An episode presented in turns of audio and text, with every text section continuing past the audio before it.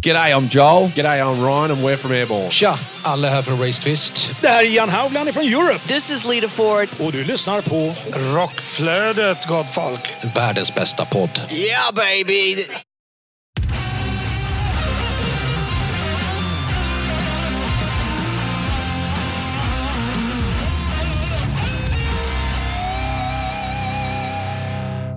Välkommen till Rockflödet, en podd för dig som vill ha full koll på det senaste inom rockvärlden. Utöver nyheter dyker det upp heta intervjuer och tunga tips om aktuella band. Och ni lyssnar på mig, Kåre Duett från podcasten Hårdrock för fan. Och nu är det då dags för ett specialavsnitt i form av helhetsintervjun med Ronnie Atkins, känd från Pretty Males, Aventasia och At the Movies bland annat. Jag tog ett snack med honom för ett tag sedan, eh, där vi pratade om hans nya soloplatta, livsåskådning, om eh, hans influenser och allting mellan högt och lågt så att säga. Såklart lite grann om Pretty Mates och Aventasia och andra konstellationer som han är inblandad i. Och vi sände ju en del av den här intervjun i eh, avsnitt 60. Men nu är det då äntligen dags för er att få ta del av hela intervjun, så ja, enjoy!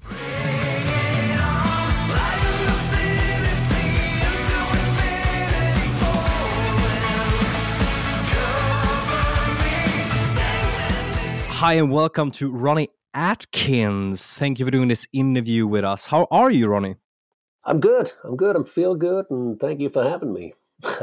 I'm fine. like- I'm, I'm fine these days. Absolutely. Yeah. Yeah. I am. You know. I really mean, uh, yeah. I mean, it's like it goes a little bit up and down. You know, with uh, basically some of the sequelae I have. from Yeah. All the treatments and stuff I had. Uh, got a lot of nerve damage and all kinds of shit. Really, too much to mention. If I was a horse, I would have been shot. But um, I'm not a horse. Now I'm talking to you. Thank fuck for that. Yeah. Right. well, that's yeah. great, great to hear that you're that you're feeling better, that you're feeling good. Um, we're here to talk a little bit about your brand new solo album that you're releasing. It's called Trinity, and it's uh, out on October 13th.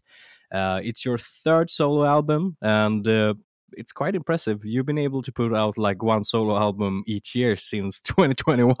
yeah, yeah. I had nothing else to do. well, it's you know, you know. I mean, yeah. I mean, I mean, these days. I mean, it, I guess it's very rare these days. You know, because I mean, so um, a lot of the you know the bigger bands don't release anything anymore, and if Yeah. they do, it's something like an album every eight or ten years. You know, but and of course, the, one of the reasons is likely that there there's not the kind of money in, in recording anymore unless you're, I mean, Lady Gaga or something. You know, I don't know, Exactly. but uh, or Rolling Stones. Um, no, I mean, if you know, basically the uh, the thing is that when when I got sick, uh, when I got diagnosed in cancer uh, with cancer in 2019, I actually was cleared in January after a lot of uh, radiation and chemo and surgery. But then in March, no, in in yeah February March, I was uh, told that it spread to the bone marrow. You know, so I was in uh, I was in in pit. So to speak, and I Yeah. was uh, it was a knockout for me and my family because uh, I, yeah, I was in shock and grief, you know, and I had, I had all these ideas, and uh, so you know, to make a long story short, um, I, I've been using this like songwriting and uh, singing and stuff like like as some kind of a self therapy, you know, that. Um, and I said this in, a, in a, a lot of interviews that there was two paths I could go by. I could sit down and feel sorry for myself, or I could, uh, you know, do something, you know, focus on something positive. Yeah, for which sure. which- which is what I did with the first album. And when I listen to the first album today, it's um, it's kind of surreal because I, I, when I listen to some of the songs, some of the lyrics, like the title track "One Shot" and stuff like that, you know, I, f- I feel like I, I clearly remember what what kind of state I was in at the time being. You know, I, I was in some kind of grief, a mix between grief and shock, I guess, panic. You know, so. But now I am here. I am. I mean, I mean, four years after I had was diagnosed with cancer, I'm, and I and I feel good. You know, I mean, all the um, I mean, whatever uh, sequelae I have, you know, I'm I'm still able to. I'm alive. I mean, that that's and I'm so you know, thankful for that. So grateful for that. Yeah, it's, Really, it's it's really really amazing. Do you like when, when talking about the first album uh, when you go back and to listen? Do you feel it's hard to, to listen to it because of the stage that you were in? Well, some of the, you know, there there isn't particularly, but that song was actually the very first song I wrote. Um, it's a song called "Carry Me Over." I did I didn't put it on the first album because I thought it was too sad Yeah. you know. But it ended up on this uh, four more shots uh, EP that was actually five more shots. But anyway, as a bonus track, so if I listen to that song, I mean, I I hardly can listen to that song today, you know. But that's exactly how I felt at the time being, you know. And but also some of the other songs on on uh, one shot. It's not that I I get depressed by listening to them. I just I just sense the state I was in. I just recall the state I was in when I did it, you know. Yeah. Because I mean, even though some of the songs are personal and, and it's a little bit much about life, you know, what what what is life, you know, and because I mean, we, we we always take things for granted. We don't think about uh, that we can die tomorrow, and we shouldn't really. Seriously, I never did that myself. I did everything I could to come in that situation, you know, but uh, but, but we don't think about it. And when you get like uh, you like like um, a diagnosis that I have, and it still says in my journal that I have incurable lung cancer that spread to the bone marrow. You know, I mean, it just gets a little bit closer. Just to get a little, you, you start realizing things. You start, you know, uh, being more appreciative for life. You know, for Yeah. every day you wake up, every day is a gift. You know, I actually sang it all. I think I, I think I said it all in the lyrics on those two first albums. You know, Yeah. and this third one is also there's some songs that are personal too, you know. But uh, but I try to you know to squeeze in some kind of a little positive twist to it, you know. So it's not all just sadness, you know. It's uh, I'm just telling people that hey, we should be happy to, that we're here, you know. Yeah. And, and that's that that's my message. That's what I'm trying to because this is my platform of Yeah. of telling that, you know.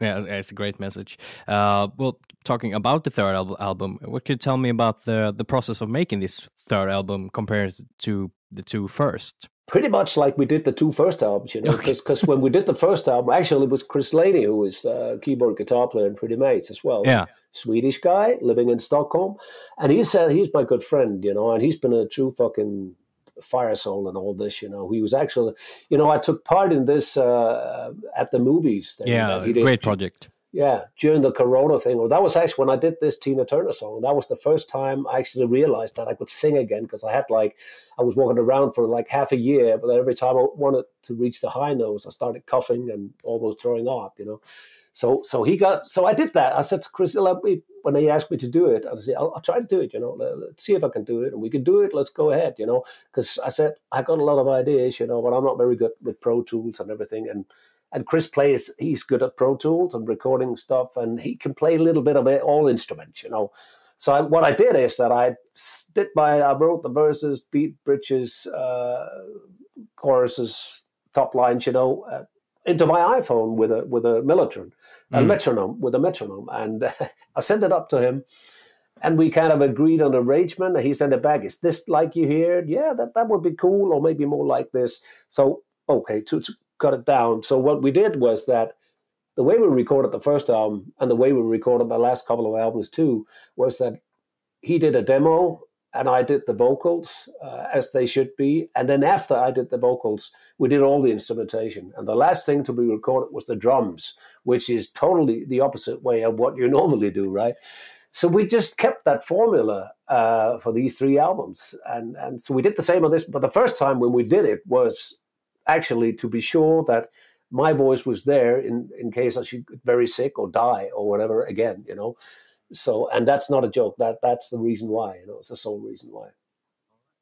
But it worked, you know, it worked and it still works. So uh, yeah, absolutely, we- we absolutely. We, just kept doing it like that. But we, he's great working with because he knows what I like. I know what he like. We're we musically on kind of on the same page. You know, we like uh, we like seventies. We like, like a lot of the other, the same bands. And, Yeah. uh, and uh, uh, whether it's pop music, whatever, it's a good song is a good song. You know. So, yeah, for sure. So, so it's been uh, easy collaborating with him on this.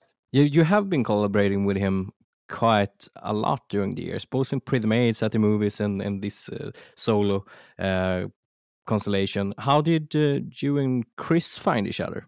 Well, that totally coincidence because I mean I didn't know Chris. I never heard about him. Apparently, I met him up in Västerås. I guess I think it was at some point, but I can't recall that. I can't remember. He said I had. Uh, okay, Okay. um, but um, no, he uh, it was actually through a guitar player Ken Hammer. You know who kind of I think he did a solo at his place during the Kingmaker album or something like that, and uh, so he knew him from Facebook or whatever it was.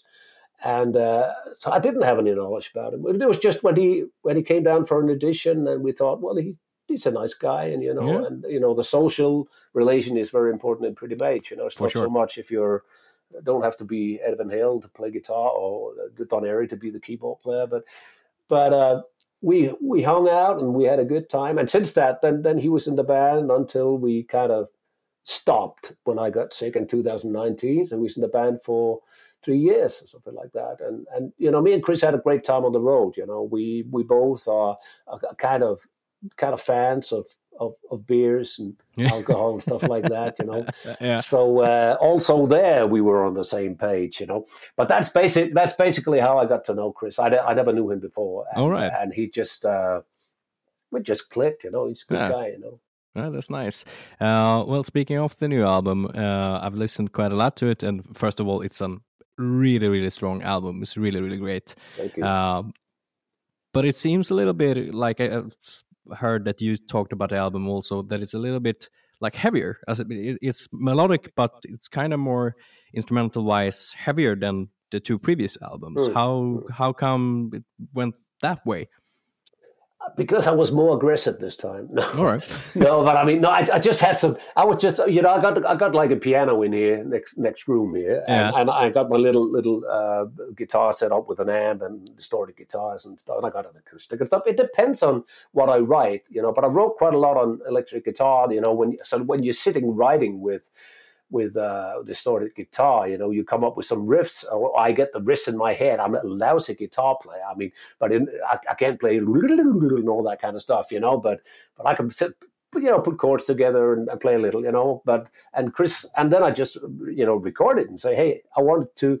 You know, you hear what I mean. Otherwise, I'll record some of it on piano and set it Mm. up, or mime it into my iPhone, and he knows what it is. But Yeah. but uh, quite a few of the songs were written on electric guitar, so it just it just turned out that way. Um, but I think besides that, I, I think I just kind of stayed to the formula. The most important thing for me that it's uh, I, I like a good riff, you know, but uh, I'm not really a riff maker as such, you know, because I'm not a, a good guitar player, right? But but I can I got him in my head, you know. That's the important part. That's the important part, and and what is important for me that it is, is whatever song it is whatever we're talking about that it, it it's it's melodic and kind of catchy. It's a melody I like, you know, and uh, many times the melody comes first, you know, and then I just put some chords underneath it. Sometimes I got a like the Trinity, the the the title track was the last album, the, the last song of the album that was written. You know, it, All right. it was written on the way out, and I don't know where it got. I, I was at a 50th birthday reception, and I was going to see 10cc, you know, the old 70s band. And there were some guys waiting. My wife and some friends were waiting on the parking lot, and I just had to deliver these two bottles of wine. And that's, and I, and I had a beer down there. When I walked out, I had the idea for the chorus. Okay. And I had no fucking clue where it came from. I, I just had to call him and say, "Hey, you got to hang on a second. You know, I just got to record this. I had to walk into a into a gate or something, and you know, and just into a yard, just uh, mime it in, you know. And but it, you know, it depends. That sometimes the melody is, comes in your head, and sometimes you get a good melody by playing around, fiddling around on the piano with uh, with some interesting chords and stuff like that. I'm not a great piano player either, but uh, but enough to write songs on it, you know. But Oh yeah, so good top line, a good hook line, and, uh, and and just a good melody. It's it's the most important thing for me, and it's always been like that with Pretty Maids as well. Uh, well, I mean, putting out one album a year since 2021, I mean, it is impressive. Was it hard writing so much like good material in that kind of short time? But, well, actually, I I don't think the intention was to put out an album this year, you know, but uh, but I just had the ideas, and, and it comes and it comes very much in, in periods, you know, when I'm focused on something. If I say, okay, we're going to do a new album next year, okay, what's the deadline? The deadline is uh, first of March, you know. Then I'll get I have the songs ready by by first of Okay. March. Absolutely, I still got a lot. I've got tons of ideas. Uh, I just haven't gone really deep into them yet, you know. But but there's always coming ideas, you know. But when I start focus on focusing on something, it it, it comes. Until now, until now, I hope it's going to stay that way. Yeah, for sure. You never know. It, it- but it's just like that. Uh, the, the the well doesn't feel empty yet, dried out or anything like that yet. You know, I, I keep getting ideas. Yeah, and that's good. I mean, it's good for us that well, like consumes your music. I'm just so fortunate that somebody likes it too. You know, so the, but basically the, the the reason why I do this again uh, is is personally kind of, as I said, like self therapy. But it's I Mm. think that goes for a lot of musicians because you please yourself. Actually, you know, it's kind of. Uh, uh, musical masturbation. I don't know. I mean, no, you know, you it it all kicks off because you do it because you love doing it. You Yeah. know? and and then you're just fortunate that a lot of people agrees to that that they like it as well. You know, and of course, I'm very very happy that people like it. You know, otherwise I couldn't do it. But Yeah. but it but it's the love for music uh, inside of yourself that that is the instigator here, right? So, uh, so, and also, I mean, when I do it, uh, that that means that when you record stuff, you know, you sing, it, you try to sing it with heart and soul. You know, Not- I don't, you can't fool people, you know, because No, people no, no. can people can normally hear that, you know, that that it, there's some weight behind it.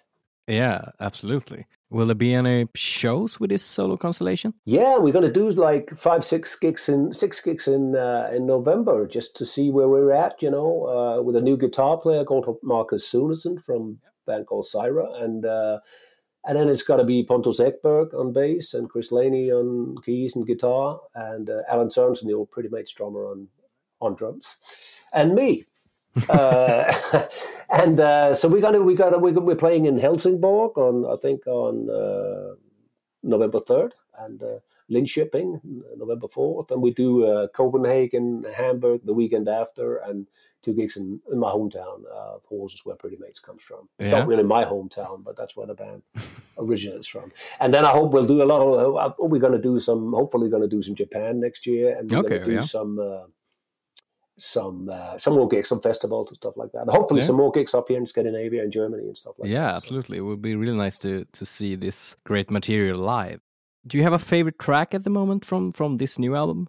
oh, you know it- how it is. You know, it, it always shifts. You know, when when when uh, because this um, I, it it unlike when I did when we mixed the album. Actually, the album's been ready since uh, since April or May or something Mm. like that. Because I went out to South America with this Avantasia project. Oh yeah, yeah. it was just around that time it was uh, being mixed and you know when when you when you to begin with you listen a lot to it uh, because you want to check the mix and stuff and then and this goes for that album and everything I've done in the past then you don't really hear it again you know unless you have to rehearse uh, some songs for it you know but it's like it, it's like uh, when you when the kids are leaving the nest Yeah. you know it's it's Yeah. got a life on its own you know I heard others say this too you know but I don't know. I mean, I, I had a few. I, if I had one, I mean, I think Trinity, the title track, is Yeah. a really good, good, good song. I like uh, Shine, Ode to a Madman. I like as well. Yeah, it, I think it's it's uh, it's difficult. It was actually difficult when we had to pick pick the four singles. You know, Yeah, um, because uh, it depends on what audience you're aiming at. There's some more heavy stuff, and there's the typical ballads like "What If" and "Soul Divine." You know, "Soul Divine" is another one of my favorite tracks. It's, it's basically a it's a lullaby to my little grandchild. You know. Oh, for real? I, I wrote it straight after uh, she was born, Oh, uh, or That's a nice. month or two after. Yeah, but it's uh, that is what it is because I didn't because I was a little emotional because I didn't see that coming. You know, I mean, a couple of years ago, I never thought I'd be a granddad, um, so I was uh, overly happy with Yeah. that. And she's um, she's a gift every day. You know, Hmm. It, um, I love nice. kids anyway. know, Yeah. So well. Uh, speaking of Clementasia, how did you get involved in that project? well, actually. Well, Tobias Sammet actually called me uh, back in '99 on my landline back then. Oh, and, uh, okay. Yeah, I don't know where he got my phone number from, but uh, and he told me, "Hi, I'm uh, Tobias Sammet from Edguy," and uh, and I seriously didn't know who he was. Yeah, Uh, yeah. and I never heard about Edguy because I kind of lost track with all the new movement of, of metal and stuff like that uh, at the time. Uh, but it was a very gentle guy, very nice guy, and then he asked me if I wanted to participate in this uh, project called the Metal Opera, and, and I remember the call. I actually, well, the, well, I'll tell you tell you later, but but I mean, um, I, ju- I said I just no, I can't do that. I'm just doing Pretty Maids. I wouldn't do anything outside of Pretty Maids these days. And uh, Mm. yeah, no, fair enough. He said, you know, because I think he, the whole project he's doing is uh, the whole Avantasia idea is. A, besides, he's a great songwriter, you know, and he's got these crazy visions that he's had, you know, um, huge, big, epic stuff. Um, Yeah. But uh, the guest singers in his band is uh, and musicians are all taken from bands that he grew up with, that that he was inspired by, you know. So, so he called me, and then years on in 2012, uh, we, we were on this uh, uh, 70,000 tons of metal with Pretty Maids. and Edguy was playing there as well. So a mutual friend of ours came and said uh, to me, "Hey, uh, I got you know Toby Toby Sammet from um, Edguy would love to meet you and say hi." And said, "Yeah, sure, no problem." So uh, we were introduced to each other, and we had a beer or two or something, and uh, and he just mentioned that he was working on. He mentioned the story, and then I recalled it. I remembered that he called me once, you know. Yeah. Even though it's so many years on, I must have been sober that day. But uh, then, uh, then we just he just said he was doing a new project, uh, a new Avantasia project, a new album uh, Yeah. called "The Mystery of Time," and and there was a song that he would love me to sing on if I was interested. And I said, "Well, send me the song on a um, MP3 file, and I'll give it a listen." And uh, Mm. And that was a song called "Invoke the Machine," and Mm, um, great track. and um, I liked the song, and I said, "Yeah, why not? Let's do that." You know, Mm. so let's do this. And then later on, uh, he a couple of months on, he called me and asked if I wanted to be a part of the tour, and uh, and I said that well, I was actually a little reluctant about that because. Uh, Pretty Maids had a new album coming out as well, but we didn't have a tour until the fall. It was in 2013, and this tour was in the spring. I couldn't do the South American part, but I did the European part of the tour in Japan. And uh, so, and from there on, we just got very good friends. You know, he's one of my really good friends in the business, and uh, and uh, and we stayed in contact ever since. It just, it, uh, yeah, I've been on every album since. Yeah. Mm. nice.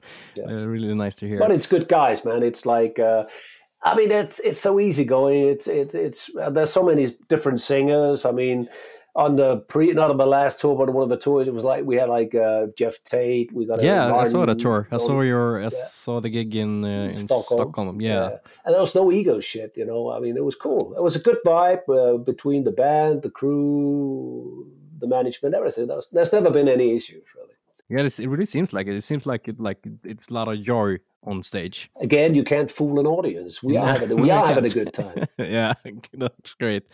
Uh, well, uh, let's talk a little bit about influences. Um, I have always been so impressed by your voice, uh, both of your range, but also this kind of aggressiveness that you have in your voice. Uh, and I have al- always said that I think that you kind of paved the way in some ways for like the growl genre, even though you didn't do the growl, but you're still a little bit ahead of your time, I must say. Um, when did you find this technique that you have, and what kind of influences did you have that shaped your kind of voice? Well, I had a, I have a lot of singers. You know, back in the, I got to start by saying that I always kind of sang like that, even when I was a kid and playing in cover bands when I was 20 12 years. I mean, I could put that more raspy voice on, and then through the years, I think I just got uh, better at uh, using it, you know, Yeah. and and actually turned it on to my own advantage. So it became my style of doing Yeah, that, yeah. you know, uh, because. Uh, I remember when, when we did the in the beginning when we did the Future World album stuff. On the Future World track, a lot of people thought there was two singers in the band, you know. yeah, And uh, and I just can said, well. I just thought it was kind of cool, you know, because I never ever took a vocal lesson. I never Okay. took. I'm I'm, I'm really a, a self-made man, and I probably do a lot of things wrong technically. but that, that said, I've been doing it now for 42 years. Uh, you know, and it still I mean, works. something so- something works. yeah, something works. Uh, so I don't know. I mean, I think it's just the way my voice is, really. You know, yeah, uh, depending on. So it, it depends on if it's a ballad. You know, I don't use the the the the raspy sound too much now. These days, I'm better at at mixing it. Actually, you know, kind of, but. But yeah, I can do kind of both things. So I'm basically using two different techniques when I sing like this. Yeah. You know? Uh, but but who who did I grow up with? Um, you know, you know, I got into rock and roll and the whole glam thing. You know, Mhm. the glam rock with bands like uh, Slade Sweet, uh, Yeah. T Rex. Uh, so, but I have a, a Queen. A lot of I- I'm a, I mean, the biggest inspiration probably ever on me is is probably the most important, the most charismatic, and who had the whole package. Freddie Mercury is my absolute. We're going to say he's my hero, but when I got into metal, uh, uh, Ronnie Dio was a big inspiration as well. Robert Plant, the old Zeppelin, and Ozzy Osbourne. I think Ozzy Osbourne. I mean, as a singer, I know he he lived a hard life, and yeah, he's not always singing uh, um, a totally fantastic live, you know, but he's a fantastic melody maker, you know, and he's got a unique voice because you always know, hey, this is Ozzy. Or this is Black Sabbath. You know, you're not in doubt, and that's what I actually like about singers. I like when there's a singer. The same with Freddie Mercury. When when I can say that's him, that's him, that's him, that's Mm, him. You know, yeah. so there's also a lot of singers. Well, would would be difficult for me to tell who is who. You know, but in later years, I'm I'm I'm, I'm pretty much into uh, a lot of. Uh, uh, late '60s R&B and, and Okay. blue blues stuff as well, like Free, like Tons of Sobs by Free is one of my favorite albums. Paul Rodgers is another great singer. Steve Marriott of Humble Pie, and I didn't know those guys back then. I knew Paul Rodgers a bit, but but Steve Marriott was something I discovered later on, you know. And uh, actually, and then we're back to who inspired them. Then we're back to people like Sam Cooke, you know, who's a Mm. fucking awesome singer, you know, who died way too young. But so there's a there's a whole there's a lot of singers. It's difficult for me to say one, but if I was going to name one absolutely fantastic singer, songwriter, uh, Freddie Mercury, that would Yeah, be. for sure. Okay. Uh, talking about Pretty Maids, it's been a bit quiet from that camp for a while. Uh, how's the? Can you say anything about like how the future is looking for potential gigs or new music or what's happening there? No, I, I can't really say anything. I can't confirm to anything, but uh, but uh, but uh, what I can say is that during the last four years, we've hardly have spoken to each other. You know, Okay. uh, because the chemistry wasn't there and there were some issues and stuff. Uh, uh, but, but but now uh, I actually met Ken not so long ago on a festival that we talked about it. You know, Yeah. so so uh, I will not. I will. I won't rule out there will be some Pretty Maids show later on at some point. But I can't. I can't. There's nothing. Nothing Concrete. to. I can't, yeah. I can't no. confirm to anything. Yeah, all, okay. you know. But as lo- at least we're, when, we're, we're some kind of talking together again. Yeah, know, okay. So yeah, but that's so nice to hear. let's see. Yeah, let's see. I was introduced to Pretty Maids from my father. Like I found the classics like Future World and stuff on vinyl, uh, and he introduced me when I was younger to Pretty Maids. And I have read and heard from a lot of Pretty Maids fans that I follow you from like the start, like my dad has done. Many of them consider you as one of the most underrated bands of all time, and that they think that you should have been so much bigger and such more uh, appreciated band. Well, I totally agree. Yeah.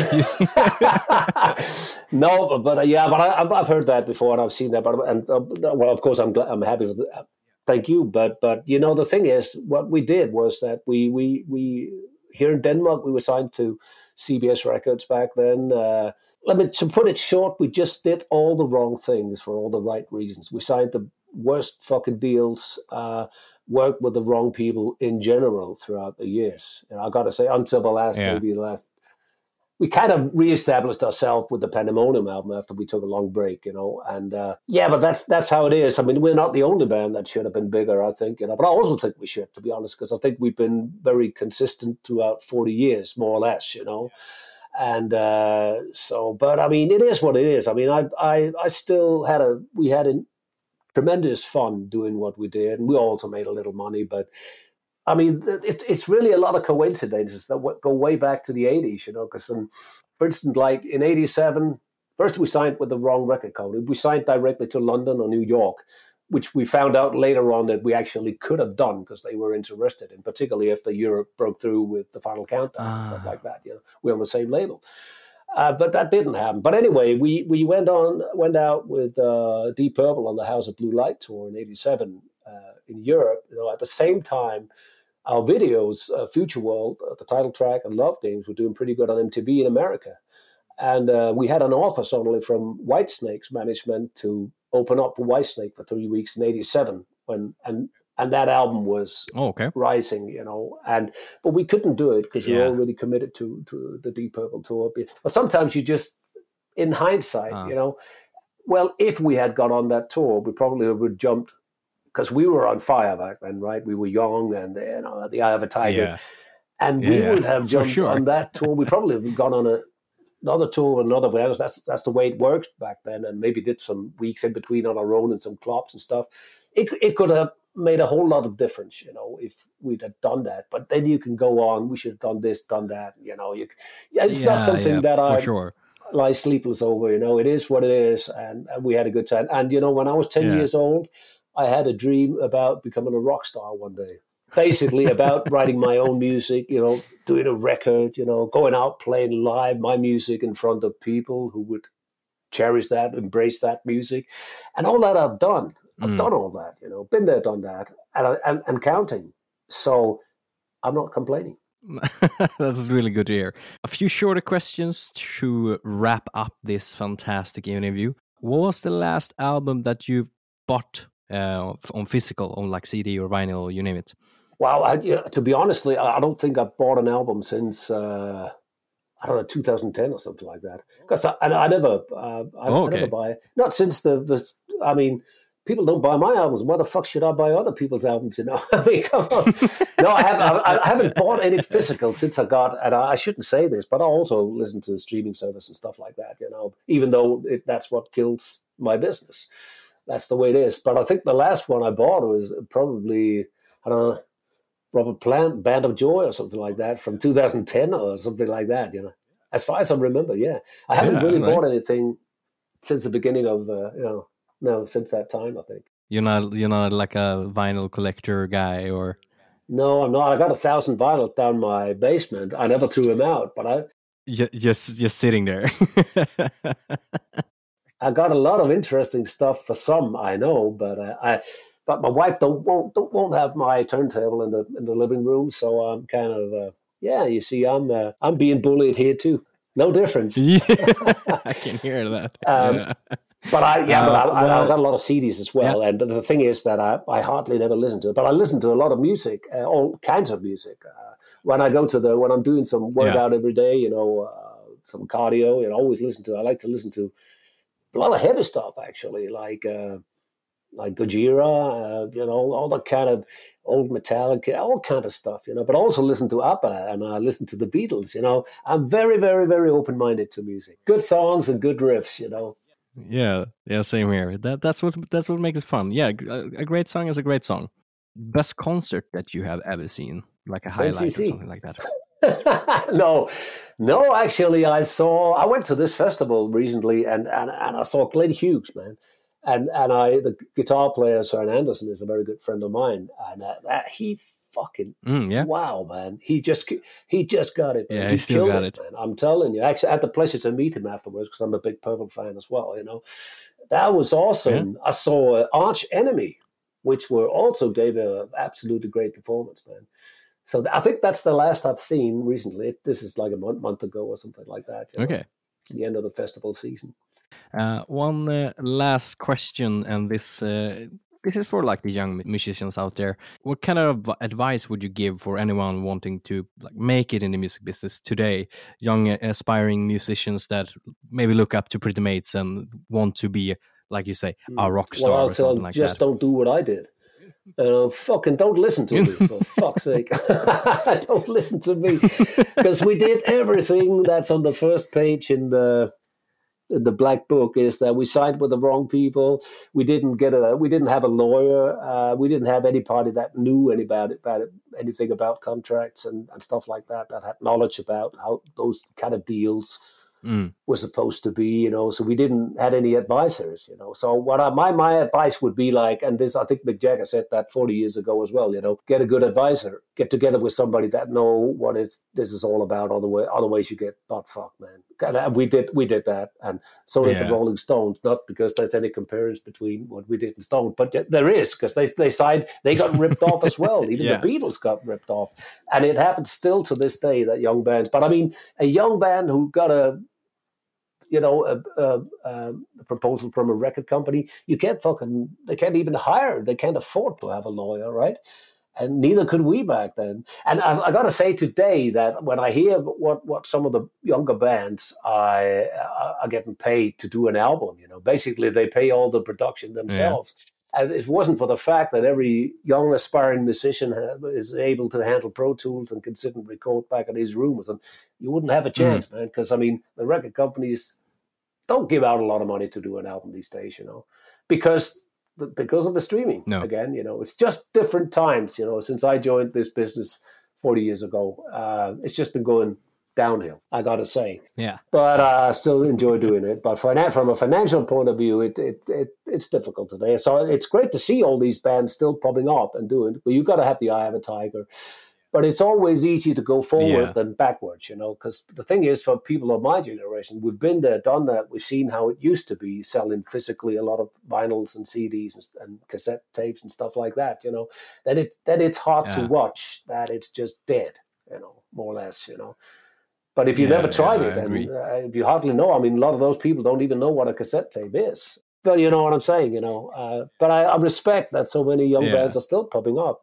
They got to believe it, and you got to believe in yourself. That- That'll be my advice. You really got to believe in it, because if you don't believe it, don't expect anybody else to. Nah, that that's true. Ronnie, thank you so much for doing this interview with us. You're welcome, man.